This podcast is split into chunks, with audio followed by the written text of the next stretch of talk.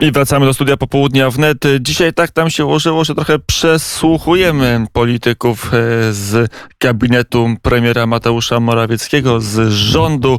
E, następnym razem będzie odwrotnie. E, Tomasz Rzymkowski, wiceminister edukacji i nauki. Dzień dobry, panie ministrze. Dzień dobry panie rektorze, dzień dobry państwu. A spotykamy się dlatego, że ruszają już szczepienia nauczycieli. To ma być ten element, który pozwoli na trwałe szkołom wrócić do normalności. Jak wygląda ten pierwszy etap kilku tygodni od e, czasu, kiedy pracują już klasy 1-3 w szkołach podstawowych? Jaki jest bilans? Na ile udało się tak zrobić lekcje, aby szkoły nie stały się rozsadnikiem koronawirusa na całą Polskę? Czy my codziennie otrzymujemy takie informacje zbiorcze z całej Polski za pośrednictwem kuratoriów oświaty, jak wygląda e, frekwencja uczniów, czy to w szkołach podstawowych, w klasach 1-3, e, czy dzieci w przedszkolach e, i również otwarte oddziały. To są takie cztery statystyki, które dostajemy. To oczywiście ustawicznie rośnie bądź maleje, natomiast fluktuacja no, zamyka się w około 1,5%. To znaczy startowaliśmy z poziomu około 0,3% na samym początku trzy tygodnie temu, kiedy przywrócono e, stacjonarne nauczanie w klasach 1-3. W przedszkolach przypomnę, że mm, trwała nauka bez przerwy. Tutaj nie było zdalnego nauczania w przedszkolu, tylko było stacjonarne. E, obserwujemy pewne zmiany, mm, które następują często również podyktowane są czynnikami e, niezwiązanymi z pandemią koronawirusa, bo pamiętajmy, że inne infekcje, inne zdarzenia losowe no nagle nie zniknęły w związku z tym, że jest pandemia. To się oczywiście nakłada i trudno jest wyodrębnić. Natomiast mieliśmy oczywiście również badania przesiewowe nauczycieli, już drugie, i można powiedzieć stopień infekcji był no, poniżej błędu statystycznego, dosyć niski. To nas oczywiście bardzo cieszy, ale to nie, nie powoduje, że no, otwieramy korki od szampanów i cieszymy się, że wirus zniknął. Obserwujemy sytuację na bieżąco i podejmujemy decyzje bardzo, bym powiedział, przemyślane i też bardzo ostrożne, jeśli chodzi o otwarcie szkół, e, tak aby szkoły nie były ewentualnie rozsadnikiem e, dalszej pandemii koronawirusa. A jak sobie pan minister wyobraża sytuację, kiedy mm, do szkoły wrócą inne roczniki, najpierw jak rozumiem klasy maturalne i klasy ósme, bo mm, ci uczniowie mają za chwilę egzamin y, ósmoklasisty albo rzecz jasna maturalny i, i, i wiemy, że ta nauka zdalna nie jest y, tak samo pełnowartościowa jak ta nauka stacjonarna w szkole. Czy tutaj, panie redaktorze, ja również poza jakby kanałem informacji tym oficjalnym, związanym z kuratoriami oświaty i dyrektorami szkół, w których, z którymi w kontakcie stałym, nie, niezmiennym są kuratorzy oświaty w poszczególnych województwach, również mam takie własne, prywatne kanały informacji z tegorocznymi maturzystami. Muszę powiedzieć ku mojemu zaskoczeniu, ale ja to rozumiem. Wielu maturzystów bardzo ceni sobie paradoksalnie to nauczanie zdalne, tym bardziej, że oni już weszli w taki swoisty tryb nauczania zdalnego i przygotowują się tylko i wyłącznie z tych przedmiotów, które są dla nich kluczowe, w związku z tym, że wybrali takie, a nie inne przedmioty. I muszę Panie ministrze, że... skoro jest tak fajnie, to czemu obniżacie wymagania na maturze? Znaczy, nie obniżamy al... wymagań, nie obniżamy no to... wymagań, matura będzie taka sama. No to jaką wartość miały słowa pana ministra Czarnka, że obniży wymagania? Nie słyszałem takiej wypowiedzi, panie rektorze. Mam wrażenie, że e, odwrotnie było. E, odwrotnie to ma być, panie ministrze, jak dokończycie reformę Ale, edukacji. Panie redaktorze, nie ma tu możliwości jakichkolwiek zmian, ponieważ cykle kształcenia są wieloletnie i nie możemy zmienić podstaw e, nauczania. E, jeśli chodzi również o element finalny tego programu nauczania, który ma charakter wieloletni, więc tutaj nie będzie żadnych istotnych zmian. Maturzyści e, no, generalnie nie narzekają w tej chwili, bo się już po prostu przyzwyczaili do tego. Nawet dzisiaj rozmawiałem z jednym z dyrektorów szkół ponadpodstawowych, który właśnie podobną refleksję miał po rozmowie e, z, z, z Mateuszustami tegorocznymi. Aczkolwiek oczywiście nam bardzo zależy na tym, żeby przywrócić nauczanie stacjonarne. To nie jest tak, że jesteśmy e, zdeterminowani wolą części maturzystów, bo z pewnością są również głosy zupełnie inne i również głosy rodziców. Samych nauczycieli, którzy też chcieliby mieć bezpośredni kontakt. Taki kontakt oczywiście jest możliwy. E, to istnieje od trzech tygodni taka możliwość, e, mianowicie konsultacje, czy to z ósmoklasistami, czy też z maturzystami wszelkich mhm. typów szkół to, e, ponadpodstawowych. To tylko, żeby była jasność, to nie było trudne. W czwartek 11 listopada, 19 listopada odbyła się konferencja prasowa ministra edukacji Przemysła Czarka, na której omówione zostały zmiany dotyczące egzaminu ósmoklasisty i egzaminu maturalnego w roku obecnym. Minister Czarnek podkreślił, że zmiany są spowodowane tym, że ułatwienie że obecni maturzyści i ósmoklasisty są pokrzywdzeni najpierw z powodu strajku kobiet, a potem z powodu e, zdalnej nauki prowadzonej mhm. wiosną i teraz, e, czyli e, będzie łatwiej, nie wiadomo jak łatwiej, ale że niektóre egzaminy będą prostsze, nie będzie egzaminu ustnego i kilka no, innych zmian ma być wprowadzone. Dotknął, dotknął pan redaktor jakby istoty wypowiedzi pana ministra Czarnka. Rzeczywiście, podobnie jak w roku ubiegłym, ze względów również i sanitarnych.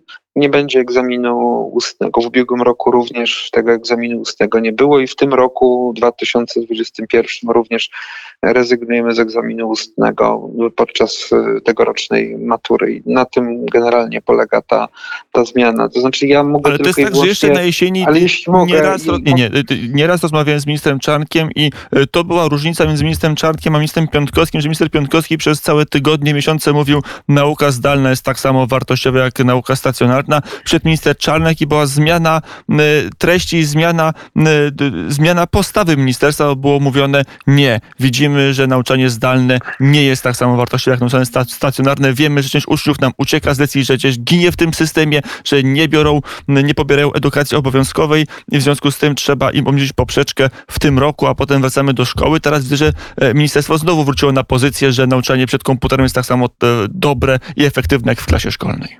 Znaczy ja nie zauważyłem takiej różnicy zdań podczas licznych spotkań, w których uczestniczyli pan minister Piątkowski i pan minister Czarnek. Ja mogę tylko tyle powiedzieć. Nie, nie, widzimy tego, aby dzieci uciekły z systemu e, kształcenia. Nie widzę, aby radykalnie wzrosło uchylanie się od obowiązku szkolnego. Jest ono na poziomie no, absolutnie marginalnym, to znaczy około 1,1% dzieci uchyla się od obowiązku szkolnego, co w liczbach naturalnych jest naprawdę niewielkie. I to są statystyki Czy z początku tego nie miesiąca. nie koloryzuje przodkiem rzeczywistości? Znaczy wystarczy nie, nie porozmawiać z nauczycielami albo z rodzicami najlepiej, którzy często widzą, e, co ma wyświetlone na ekranie uczeń, który jest w nauczaniu zdalnym, jak łatwiej mu jest unikać nauki, jak łatwiej mu jest stracić koncentrację, albo jak trudne są warunki w rodzinach uboższych, gdzie jest kilkoro dzieci, a nie każde dziecko ma własny komputer chociażby. Znaczy, panie redaktorze, no to już wchodzimy w, w tak daleko posunięty poziom abstrakcji, że trudno jest się do tego odnieść. Panie e, ministrze, trud, rodziny, pan... gdzie nie każde dziecko ma swój komputer, nie, jest, nie, to nie jest abstrakcja w Polsce. Znaczy, ja powiem w ten sposób, bo pan redaktor tutaj użył takiego określenia, że tracą koncentrację. To znaczy, no ja nie wiem, czy na przykład w przypadku nauczania stacjonarnego jesteśmy w stanie zmierzyć poziom koncentracji u uczniów. E, Ale na, nauczyciel na ma większą kontrolę nad klasą, bo może ucznia do porządku przywołać, a przez internet nie jest to tak proste jak w klasie. Z pewnością nie jest, nie jest to łatwe, dlatego też mówię o tym, że egzamin będzie na takim samym poziomie i wymagania, które są stawiane uczniom e, w sytuacji nauczania zdalnego są identyczne. Oczywiście forma nauczania ze względów obiektywnych. Tutaj absolutnie nie stawiam znaku równości między nauczaniem stacjonarnym a zdalnym. I to nie jest też, panie redaktorze, jakieś nasze widzimisię, tylko po prostu to są względy pandemiczne i też obserwujemy sytuację w innych państwach europejskich, gdzie sytuacja jest taka jak u naszych niemieckich sąsiadów za Odrą. E, mianowicie tam w ogóle nie ma nauczania stacjonarnego. U nas to nauczanie stacjonarne jest w klasach 1-3, My do końca lutego przedłużyliśmy treść tego rozporządzenia, które do tej pory obowiązywało. To znaczy nadal dzieci w przedszkolu, w, szkołach, w szkole podstawowej w klasach 1-3 mają stacjonarne nauczanie. W klasie 8 mają możliwość korzystania z konsultacji z nauczycielami. Natomiast klasy 1-4-8 co do zasady mają nauczanie zdalne. W szkołach ponadpodstawowych również nauczanie zdalne, za wyjątkiem maturzystów, którzy mają możliwość kontaktu bezpośredniego z nauczycielem w mniejszych grupach niż liczą na co dzień klasy. My sytuację analizujemy, obserwujemy i z pewnością będziemy również podejmować decyzje dotyczące rozszerzenia tego dostępu, tym bardziej, że no mamy, powiedział, bardzo zaawansowany program e, szczepień, rejestracji nauczycieli do szczepień. Pierwsza grupa była rejestrowana w tym tygodniu między poniedziałkiem i czwartkiem.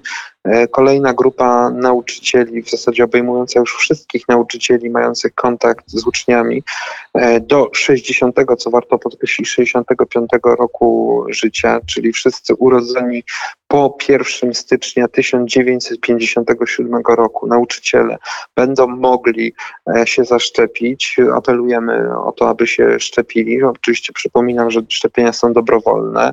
Na ten nasz apel z ubiegłego tygodnia w ciągu czterech i tego tygodnia odpowiedziało ponad 275 tysięcy nauczycieli z grupy docelowej, około 420 tysięcy uprawnionych. Co Teraz jest nie najgorszym mogli... wynikiem. Pytanie, jak szybko Ministerstwo Zdrowia... To jest powyżej 65% y, podoła z procedurą szczepienia. Też do tego pytania, bo przynajmniej taki był, pewnie pan minister może znowu zaprzeczyć, ale taki był harmonogram jeszcze kilka tygodni temu, że e, najpierw klasy 1-3, potem klasy 8 i maturzyści, a potem ewentualnie reszta? Czy ten harmonogram nie jest było, utrzymany? Nie było, nie było takiego harmonogramu, jeśli chodzi o otwieranie. Tutaj decyzje będziemy podejmować i podejmujemy na bieżąco. I też patrzymy na kalendarz roku szkolnego i patrzymy również na czynniki od nas niezależne, jak kwestia już szczepień, no bo my jako Ministerstwo Edukacji i Nauki no nie przeprowadzamy szczepień, my pomagamy tutaj Ministerstwu Zdrowia i Narodowemu Funduszowi Zdrowia w jak najsprawniejszym e, przebiegu tego procesu, za co dziękuję i dyrektorom szkół, którzy naprawdę spisali się na medal, czy, czy kuratorom oświaty, którzy wykonali naprawdę tytaniczną, gigantyczną e, pracę e, w, w, tym procesie. I czy nie ma już takiego planu, co się będzie otwierać? Na przykład Ministerstwo Rozwoju, kiedy chodzi o przedsiębiorców, to przedstawia różne plany, że najpierw ci, dzisiaj hotele, muzea, kina, teatry, a potem może restauracje, a Ministerstwo Edukacji powie nam co? Panie redaktorze, my mamy naprawdę bardzo ograniczone tutaj możliwości wyboru i decydowania. E, mamy szkoły podstawowe i szkoły ponadpodstawowe. Oczywiście w ramach e, szkół podstawowych i szkół ponadpodstawowych mamy dwa roczniki, które w szczególności interesują, które nie mają w tej chwili nauczania stacjonarnego, czyli ósmoklasiści tegoroczni i e, uczniowie ostatnich klas szkół ponadpodstawowych, którzy w tym roku będą przystępować do egzaminu maturalnego i tutaj rzeczywiście o tych grupach myślimy. Natomiast nas interesuje przede wszystkim kwestia tego, aby e, no, pandemia, z którą mamy cały czas do czynienia, się nie rozwijała i obserwujemy wszelkie wskaźniki i to bierzemy pod uwagę. Decyzja o ewentualnym rozszerzeniu nauczania stacjonarnego będziemy podejmować bez konieczności e, uwarunkowania tego od procesu szczepień. To znaczy proces szczepień przebiega z boku, jest dla nas bardzo istotny, bo wiadomo, będziemy to brali pod uwagę, ilu nauczycieli w danym typie szkół jest już zaszczepionych. Zależy nam przede wszystkim na tym, aby w sposób komplementarny, oświata jest jednym z elementów funkcjonowania państwa, ale musimy również patrzeć na inne elementy funkcjonowania państwa. Mm, no dobrze, to teraz zobaczmy na inny element funkcjonowania państwa. Przy telefonie Tomasz Rzymkowski, wiceminister edukacji i nauki, ale też poseł Klub Parlamentarny Prawo i Sprawiedliwość, chociaż bezpartyjny, jako poseł bezpartyjny, ale z klubu rządzącego, z koalicji rządzącej, jak pan poseł się patrzy na przepychanki na linii, a to Solidarna Polska PiS, a to PiS Porozumienie, e, to napawa optymizmem na dalsze rządy, czy raczej pesymizmem? Więc panie rektorze, z brutalną szczerością panu powiem, że nie mam czasu, żeby to obserwować. E, jesteśmy naprawdę tutaj w ministerstwie bardzo zaangażowani w proces rejestracji, czy to nauczycieli w systemie szkolnictwa podstawowego, powszechnego, ale również szkolnictwa wyższego. Również w tym tygodniu musieliśmy zorganizować cały system związany z rejestracją. Od poniedziałku również będzie na każdym uniwersytecie, każdej politechnice, każdej szkole wyższej e, jak ona się nazywa. W ramach szkolnictwa wyższego rektorzy będą również prowadzić rejestrację nauczycieli, nauczycieli akademickich. To też był poważny e, proces, który musieliśmy zorganizować. Tak więc ja nie mam zdania na temat. e, I los koalicji rządzącej. Mogę, mogę który- panu redaktorowi powiedzieć, że jestem pełen optymizmu, jeśli chodzi o trwałość obozu Zjednoczonej Prawicy. Jak ja bym miał tutaj e, być Kasandrą w, w, w tej sprawie, to uważam, że optymizm opozycji, że dojdzie do jakiegokolwiek rozłamu, jest naprawdę No mocno to przesadzony. Ostatnie pytanie, wróćmy do ministerstwa. Jaka jest najciekawsza reforma, jaką pan planuje w ramach swojej misji w Ministerstwie Edukacji i Nauki? Panie redaktorze, y, no mam kilka takich pomysłów, ale właśnie z tego powodu, żeby się one udały, to nie będę o nich mówił. Ale to są pomysły, które zmienią polską edukację, bo wiele osób zarzucało, że Wszystkie zmienią. Wszystkie zmienią. Nie ma takiej zmiany, którą planuję, która by nie miała wpływu na system polskiej oświaty czy szkolnictwa wyższego. e, gdzie ten system najbardziej kuleje? Hmm, no to jest trudne pytanie. Moim zdaniem jest wiele takich segmentów, y, które należałoby e, przejrzeć i, i dokonać e, pewnych zmian i korekt. Nie można oczywiście wylewać dziecka z kąpielą i podejmować decyzji, które są nieprzemyślane. Warto pamiętać o jednej rzeczy. My mamy do czynienia z systemem, który ma charakter y, wieloletni i długofalowy. To znaczy, jeśli coś zaplanujemy na poziomie pierwszej klasy szkoły podstawowej, to reperkusje tych decyzji będziemy odczuwać nawet podczas cyklu kształcenia na poziomie e, pomaturalnym, czyli już w systemie szkolnictwa wyższego. Więc jakiekolwiek zmiany, które dotyczą oświaty, wychowania i kwestii nauki na poziomie akademickim muszą być po prostu komplementarne. I to jest moim zdaniem jeden z najważniejszych elementów, o którym trzeba pamiętać, aby system oświaty traktować jako mechanizm naczyń połączonych, a nie jako e, autonomiczne elementy ze sobą w żaden sposób niepowiązane. Tak nie jest. To jest po prostu układ zamknięty. która się z reform, które pan minister szykuje, dotknie nauczycieli. Wczoraj w Telewizji Republika minister Piątkowski e, mówił, że są pewne pomysły na to, aby zreformować e, ścieżkę awansu nauczycieli. Tak, to prawda. I No i to prawda. Więcej na ten temat nie powiem, panie redaktorze, bo tak jak powiedziałem trzy minuty wcześniej, nie- z racji na przywiązanie do tych pomysłów nie mam zamiaru ich y, spalić na samym początku. to kiedy zobaczymy e, może całość albo odsłony, jak serial e, Wielki Plan Reformy Edukacji ministra Czarnka i ministra Rzymkowskiego? No, panie redaktorze, ja jestem człowiekiem niezwykle cierpliwym. Znam je pan od lat y, z mediów. Sześciu. I Naprawdę. No, sześć lat dużo, panie redaktorze. Sześć lat to można studia. Tyle chodziłem, tyle chodziłem do szkoły podstawowej. E, Na przykład ja również, ale potem jeszcze były gimnazjum, liceum i studia. E, Panie O, ministrze, e, tu stawiamy, w tej ale mniejszości polskiego społeczeństwa, którzy jesteśmy absolwentami gimnazjum. E, Tak, i to ta mniejszość będzie z każdym rokiem coraz mniejsza, bo nowe roczniki napływają i one już gimnazjum będą zna- znały tylko z opowieści dziadersów, takich jak e, my. E, Panie ministrze, to I jeszcze... naszych dziadków, i naszych dziadków, I na- którzy też chodzili do gimnazjum. No tak, tylko że Przed wojną, czy też po wojnie. Przez chwilkę e, po wojnie. No dobrze, panie ministrze, to kiedy to jest wiosna, to jest kwiecień, maj, czerwiec, kiedy te plany będą ujawnione? To już ostatni... Najbliższe, ty, najbliższe tygodnie, panie Najbliższe redaktorze, więc cierpliwości dużo nie potrzeba. E, Tomasz Rzymkowski, wiceminister edukacji i nauki, był gościem popołudnia wnet. Bardzo serdecznie dziękuję za rozmowę. Kłaniam się nisko i życzę mm, dużo zdrowia. Wszystkiego dobrego, e, to również dużo zdrowia w czasach pandemii. E, To rozmowa z Tomaszem Rzymkowskim, wiceministrem edukacji i nauki.